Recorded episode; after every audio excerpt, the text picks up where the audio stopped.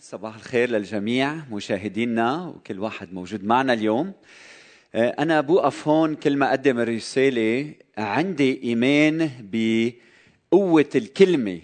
عندي إيمان بقدرة الكلمة إنه تغير قلوبنا وحياتنا وتعمل تغيير بدوم وبيعمل تأثير بحياة الآخرين. فنحن عم نعيش أجواء عيد الميلاد في فرح في سلام في حضور الرب في وسطنا في امتياز على الرغم من كل التحديات يلي عم نعيشها نتذكر إنه يسوع ولد بعالم مكسور. صحيح عالم متألم.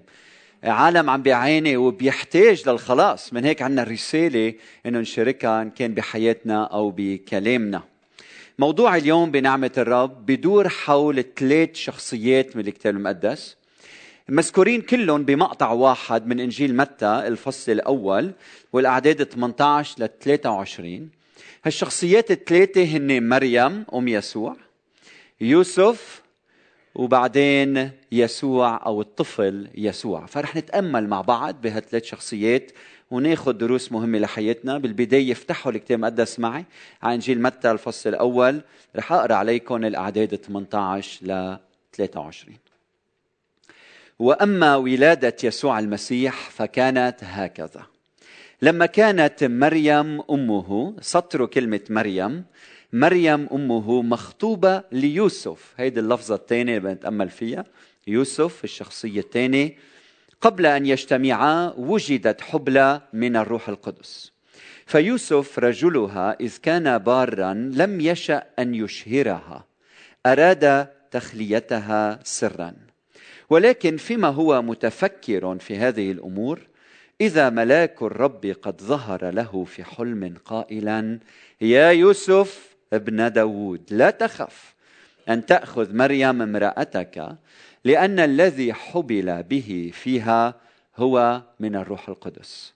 فستلد ابنا وتدعو اسمه يسوع. هيدي اللفظة الثالثة الشخصية الثالثة الطفل يسوع. يلي رح نتأمل فيه لأنه يخلص شعبه من خطاياهم. وهذا كله كان لكي يتم ما قيل من الرب بالنبي القائل هو ذا العذراء تحبل وتلد ابنا. ويدعون اسمه عمانوئيل الذي تفسيره الله معنا. فلما استيقظ يوسف من النوم فعل كما أمره ملاك الرب وأخذ امرأته. ولم يعرفها حتى ولدت ابنها البكر ودعا اسمه يسوع. آمين؟ ما أجمل هيدا النص بهيدي المناسبة يلي عم نتأمل فيها بولادة الرب يسوع المسيح. الشخصية الأولى يلي رح نتأمل فيها اليوم هي شخصية مريم أم الرب يسوع المسيح. هيدي الشخصية بهيدا النص ما بتتكلم ما بنشوفها عم تحكي. بنعرف القليل عنها لكن اللي بنعرفه إنها كانت مخطوبة لشخص اسمه يوسف وهي الروح ظهر عليها الروح أو روح القدس أو ملاك من عند الله حضور الله ظهر عليها وكشف لها حقيقة كثير مهمة أنها ستلد بالروح القدس ابن. لكن إذا بنتأمل بأسفار تانية بالكتاب المقدس بإنجيل لوقا مثلا الفصل الأول بنشوف إنه في أمور إضافية مضافة بتساعدنا نفهم شخصية مريم بطريقة أفضل. يعني أول عبارة نطقت بها مريم أم يسوع بإنجيل لوقا بالأناجيل. هي لما ظهر عليها الملاك وقال لها ستلدين ابنا تسمينه يسوع قالت هيدي العبارة المشهورة كيف يكون هذا وأنا لست أعرف رجلا؟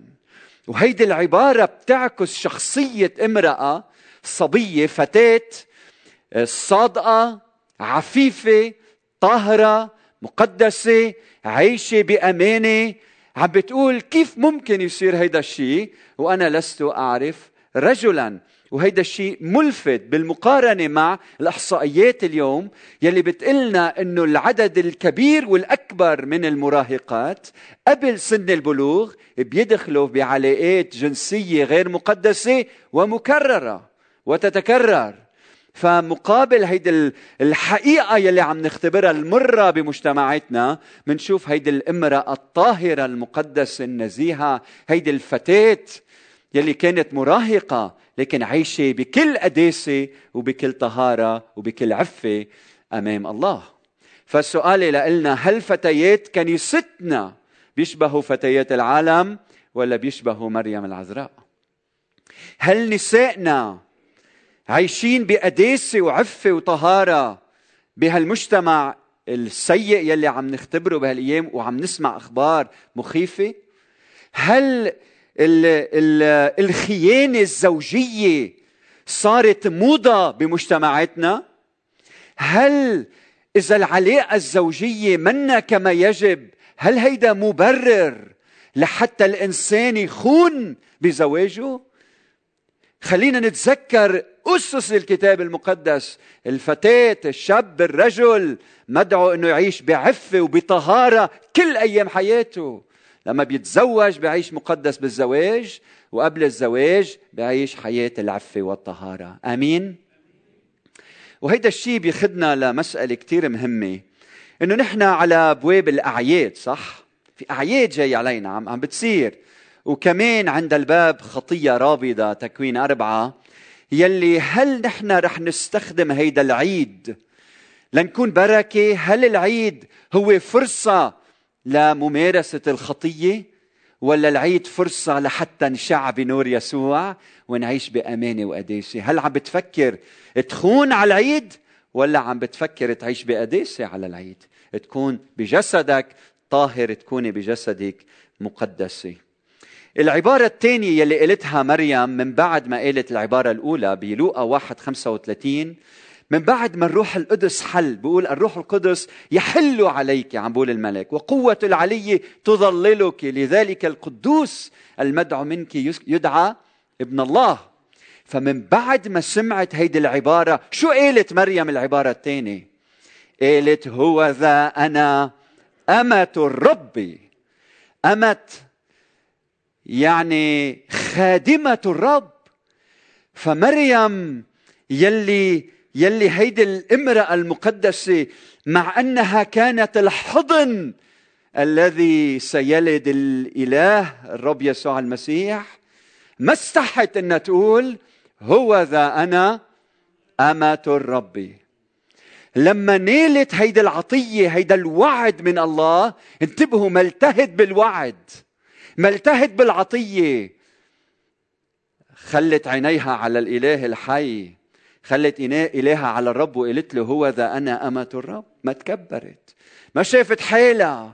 تذكروا أنه بأحشائها في إله الكون جسد من خلالها. هو ملك الملوك ورب الأرباب. يعني ما حدا بيقدر عليها.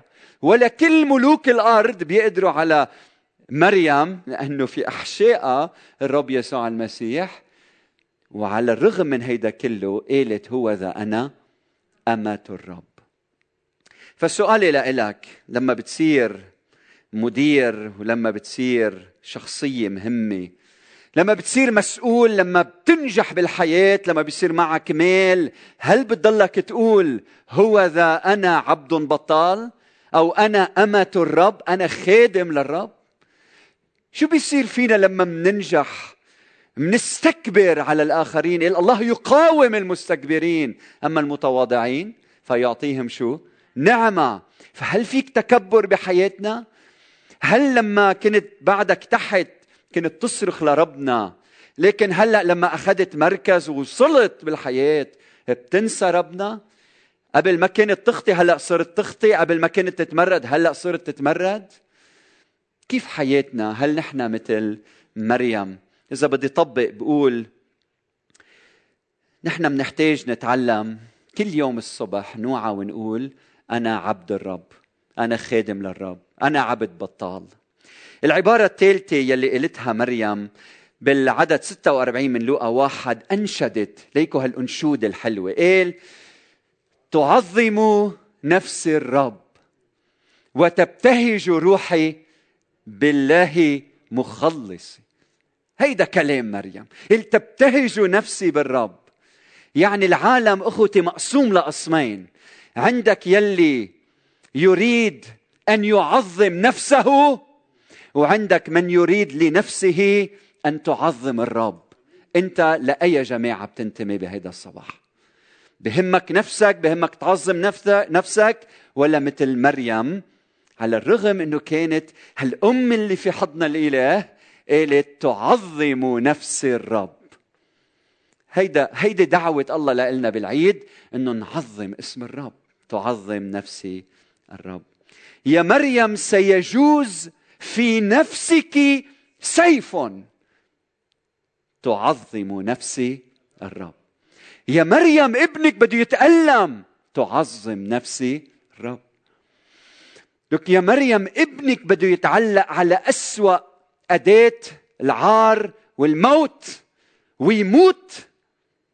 تعظم نفسي الرب. ومنشوف مريم بالعلية بعد موت وقيامة يسوع مع التلاميذ. شو عم تعمل؟ تعظم نفس الرب. في كل ظروف حياتها تعظم نفس الرب. فبدي أسألك وبدي أسألك. لما بتتغير الظروف لما بتتبدل الظروف لما منختبر تحديات وألم هل مثل مريم منقول تعظم نفس الرب؟ حياتنا كلها تعظم نفس الرب؟ إذا كنت تحت ولا فوق على رأس الجبل ولا بالوادي تعظم نفسي الرب. وبعدين بيقول وتب بتقول وتبتهج روحي بالله مخلصي. يعني مين مخلصها مريم؟ الله. عم عم تبتهج روحها بالله مخلصها. يعني مش هي بتمنح الخلاص هي نالت الخلاص. يعني مثل ما إنه حواء لما طاعت الحية ولدت الخطية مريم لما طاعت الرب ولدت المخلص إلى العالم. وليس بأحد غيره الخلاص لأن ليس اسم آخر تحت السماء قد أعطي بين الناس به ينبغي أن نخلص. فصار يسوع هو المخلص مخلص العالم.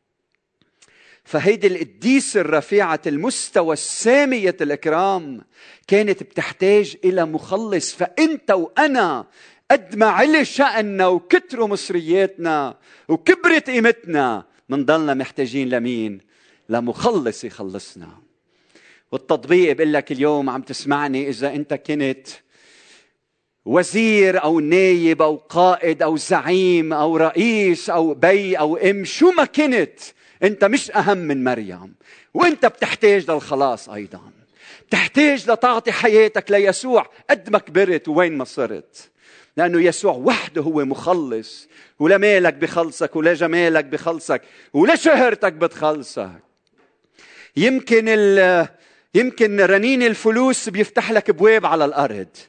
أما باب السماء ما حدا بيفتحه إلا راعي الخراف الوحيد الرب يسوع المسيح. فدعوتي لك بهيدا العيد المقدس. مين ما كنت وين ما كنت الله بده إياك عم بفتش عليك. افتح قلبك لإله اعطيه حياتك لهيدا الشخص المميز يلي قادر يخلصك من الخطايا.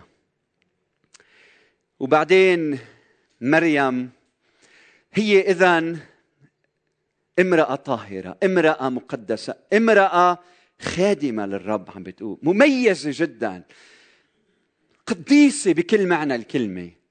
ونحن مدعوين نتمثل بحياتها فإكرامنا لمريم بيظهر بتمثلنا بحياتها. إذا بدك تكرم بيك وأمك شو بتعمل؟ تمثل بحياتهم عيش مثلهم. احكي كلامهم قول هو ذا أنا أمة الرب. ابتهج بالله مخلصك. هيك بتكون أنت عم تكرم مريم. الشخصية الثانية اللي بدي أتأمل فيها هي يوسف. تعرفوا ليوسف؟ يوسف؟ كان خطيب مريم كان شخص بحبها لمريم. عن جد مميز هذا الشخص. ف كان يوسف خطبها لمريم وبتعرفوا إنه الخطوبة بهديك الأيام بمثابة أو بمنزلة الزواج. يعني كان إذا اثنين خاطبين تركوا بعضهم كان الخطيب لازم يعطي كتاب طلاق لخطيبته. كتاب طلاق. يعني إذا الخطيبة خسرت خطيبة مات بالحرب تدعى أرملة. يعني اللي خاطبين يعني مزوجين ما عدا أنه بعد ما إجت على بيته يعني بعد ما صار في علاقة جنسية بين الاثنين. فيوسف كان يحب مريم كان خطبها كان شايفها ومش شايف غيرها بالدنيا. كان كان يحبها من كل قلبه وهذا الشيء واضح. طيب شو بنعرف عن يوسف بالنص هلأ بنشوف لكن تصوروا مع المشهد إنه يوسف خاطب هيدي الفتاه وبحبها بده يتزوجها ومش مصدق أمتين بتصير زوجته. بعد شوي ببلش يلاحظ إنه بطنها شو عم يعمل؟ عم يكبر. عم يكبر. يه شو بكي يا مريم؟ ما يكون بكي شيء تعال نروح لعند الحكيم. بعدين اكتشف إنه شو؟ مريم حبلى. تصوروا هيدا المشهد إنه بحبها هالقد اكتشف إنه حبلى شو بده يقول طبيعي؟ بشكل منطقي علمي شو صار؟ إنه صار في خيانة زوجية.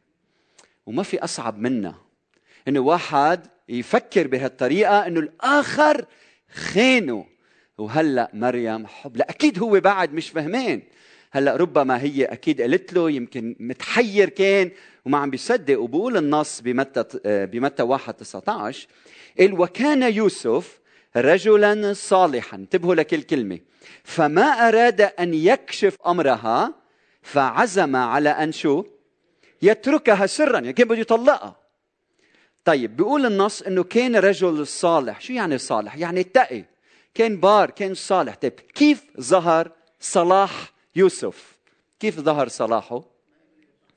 ظهر صلاحه أول شيء إنه ما تمسك بالشريعة حتى يدينا. رقم اثنين بدل ما يفضحها كان بده يتركها لكن بده بالسر لأنه بدل ما يفضحها كان بده يسترها. كان كان كويس هذا الزلمة. فصلاحه ظهر من خلال رحمته أخوتي من خلال رحمته. إذا بتفتحوا معي سفر التثنية 22 23 24 مكتوب وإذا كانت فتاة بكر مخطوبة لرجل مخطوبة لرجل فصادفها رجل آخر في المدينة فضاجعها فاخرجوهما إلى باب تلك المدينة وارجموهما بالحجارة حتى يموتا. ها؟ فالشريعة بتقول هيك فكان من حقه ليوسف إنه يعمل هيك. لكن صلاحه علمه أخوتي إنه ما يطلب الموت للآخرين حتى يلي عملوا الكبائر. هو من منظاره هلأ من مفهومه بعد مش فهمان. كامل مشيئة الله من اللي عم بيصير لكن كان إنسان صالح إنسان صالح. فصلاحك خيي ببين بمعاملتك برأفتك بأمانتك برحمتك. هون ببين صلاحك ورأفتك خصوصا للأشخاص يلي ما بيستحقوا هيدا الرأفة. فكيف صلاحك بهيدا الصباح؟ هل أنت مثل يوسف رجل صالح؟ سألت نفسي كيف يا يوسف صرت صالح؟ لأنه بدي أكون مثلك ها؟ تكون عم تتأمل بشخصية من مقدس بتقول يا الله أنا بدي اكون مثله. لا للسيس أسعد أنا بدي اكون مثل الأخت ها؟ كيف بدي اكون أنا صالح؟ لما تأملت بالنص إجاني الجواب من النص. اكتشفت إنه صلاح يوسف هو نتيجة شخصية تعلمت الطاعة على الفور. مش بس الطاعة الطاعة شو؟ على الفور. شوفوا بالعدد عشرين بيقول وبينما هو يفكر في هذا الأمر. محتار ضايع.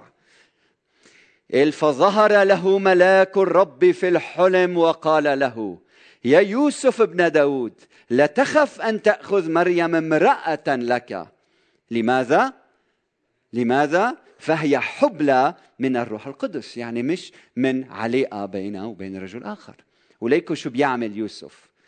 فلما قام يوسف. انتبهوا لعبارة لما لما قام يوسف من النوم عمل بما أمره ملاك الرب.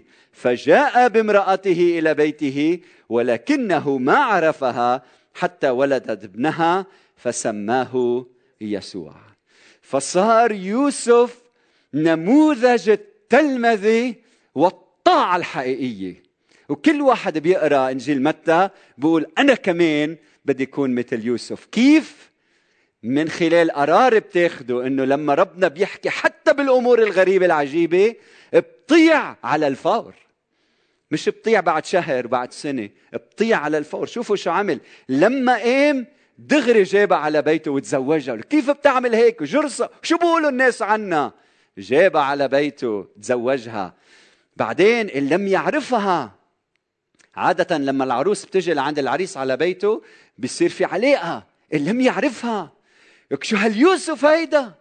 يلي كان أمين مع الرب للآخر طاعة كاملة.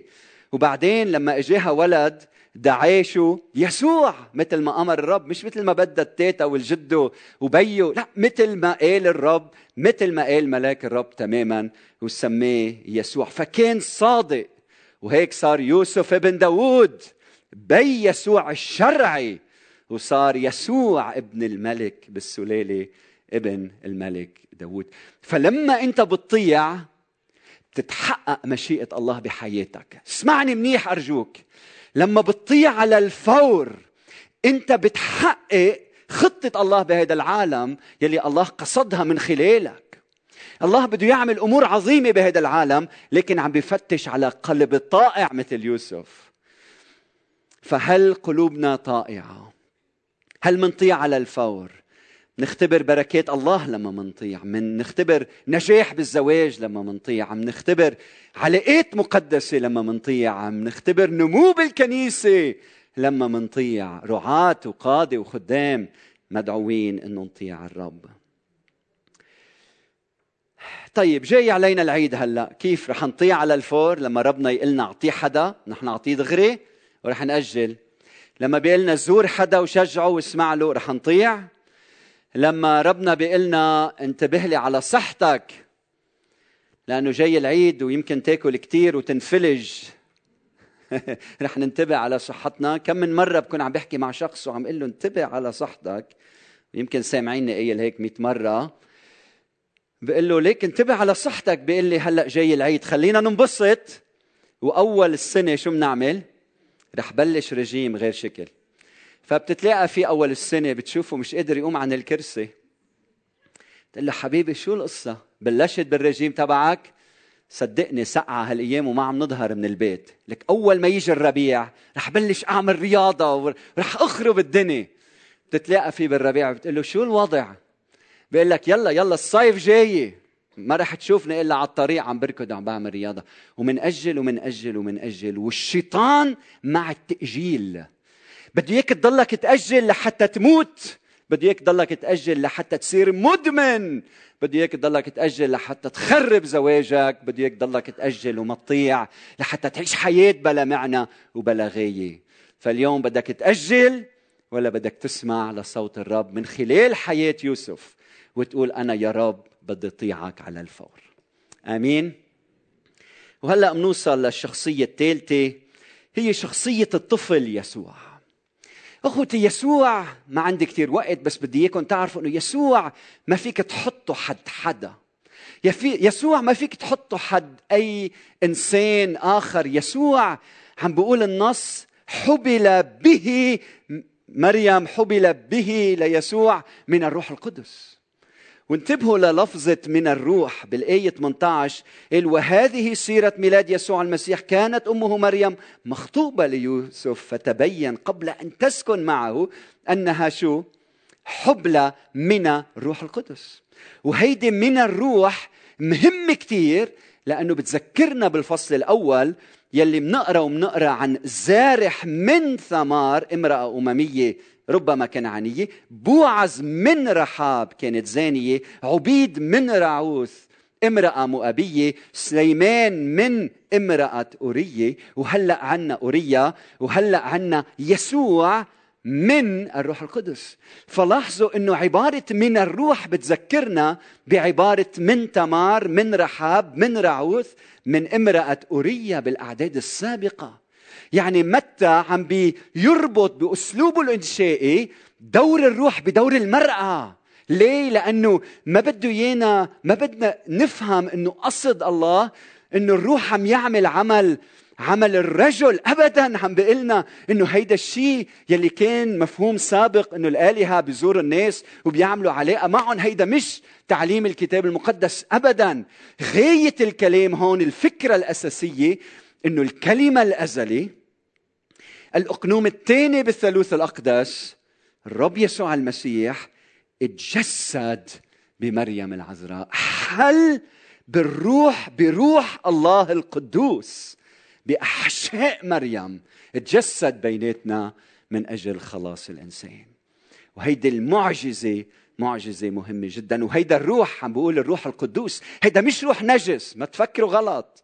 ما تفكر بطريقة بشرية. هيدا الروح القدوس هيدا روح الله القدوس يلي حل بأحشاء مريم. فيلي عنا هو عنا يسوع يلي منه من أب بشري هو من الطبيعة الإلهية من الآب السماوي.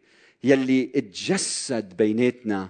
ففي عنا يسوع من أب سماوي وعنا كمان يسوع يلي أخذ نسوته من مريم العذراء. فأخذ إلوه لاهوته أخذ لاهوته من الآب السماوي.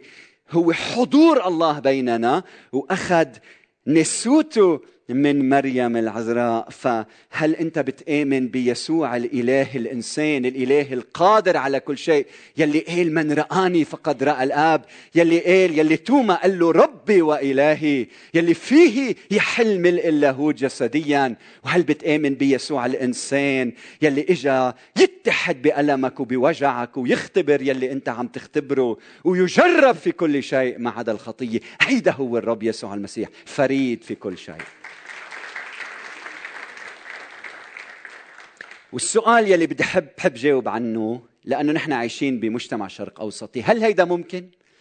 هل هيدا اللي عم نقوله ممكن؟ هل ممكن؟ إنه لله يتجسد. خليني جاوبك إذا الله قادر على كل شيء والله كامل المحبة بحب بشكل كامل ومطلق مش بس ممكن ممكن جدا جدا جدا.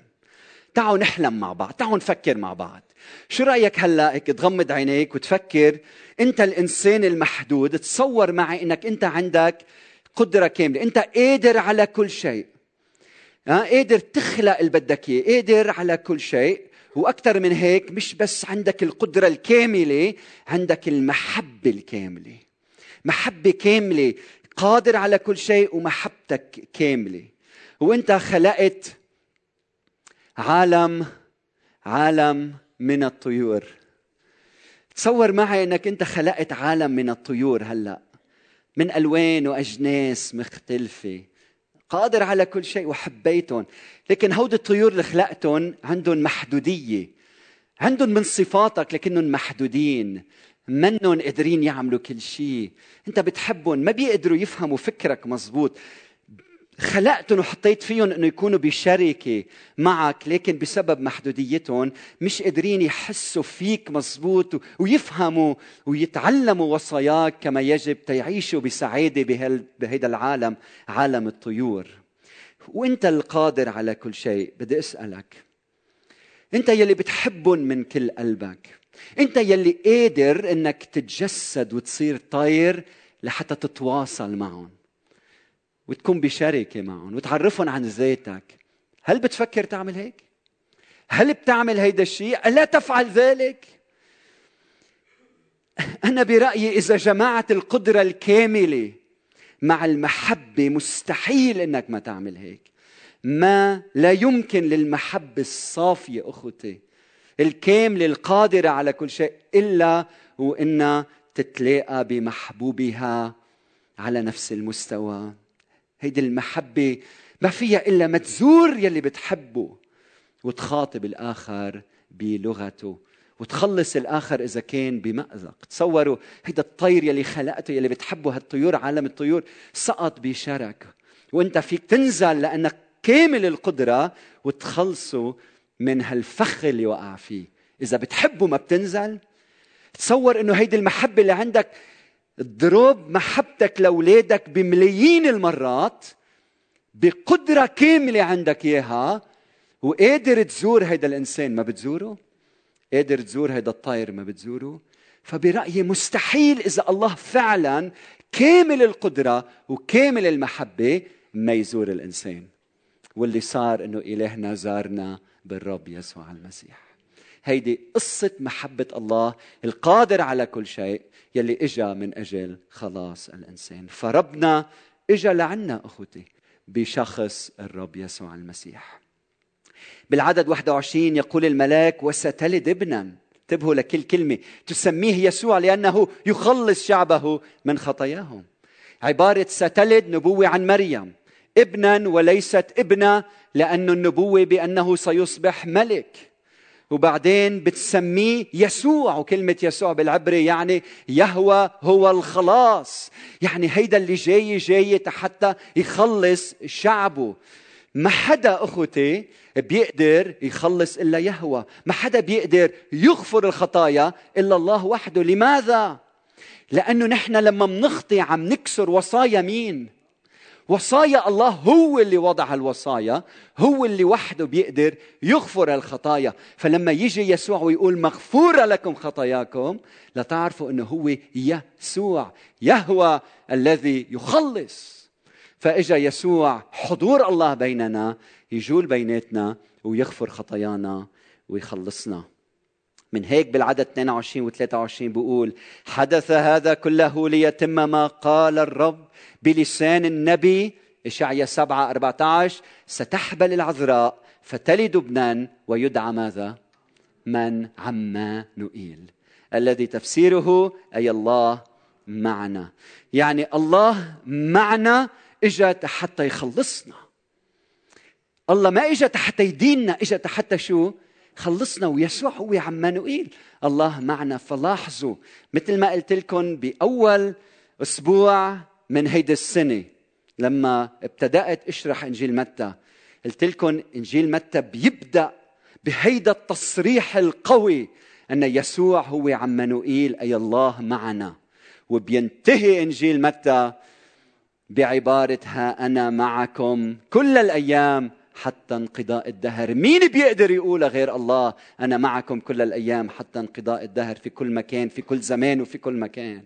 وبخاتمة هيدي السنة بدي أرجع أذكركم بهالحقيقة. أنه يسوع هو عمانوئيل معنا والذي معنا هو أقوى من الذي علينا وأنا معكم كل الأيام حتى انقضاء الدهر. شو ما كانت ظروفك شو ما كان أمرك. يا كنيسة يسوع اعرفي إلهك معك. هو بصونك وهو بيهتم فيك إلى أبد الآبدين.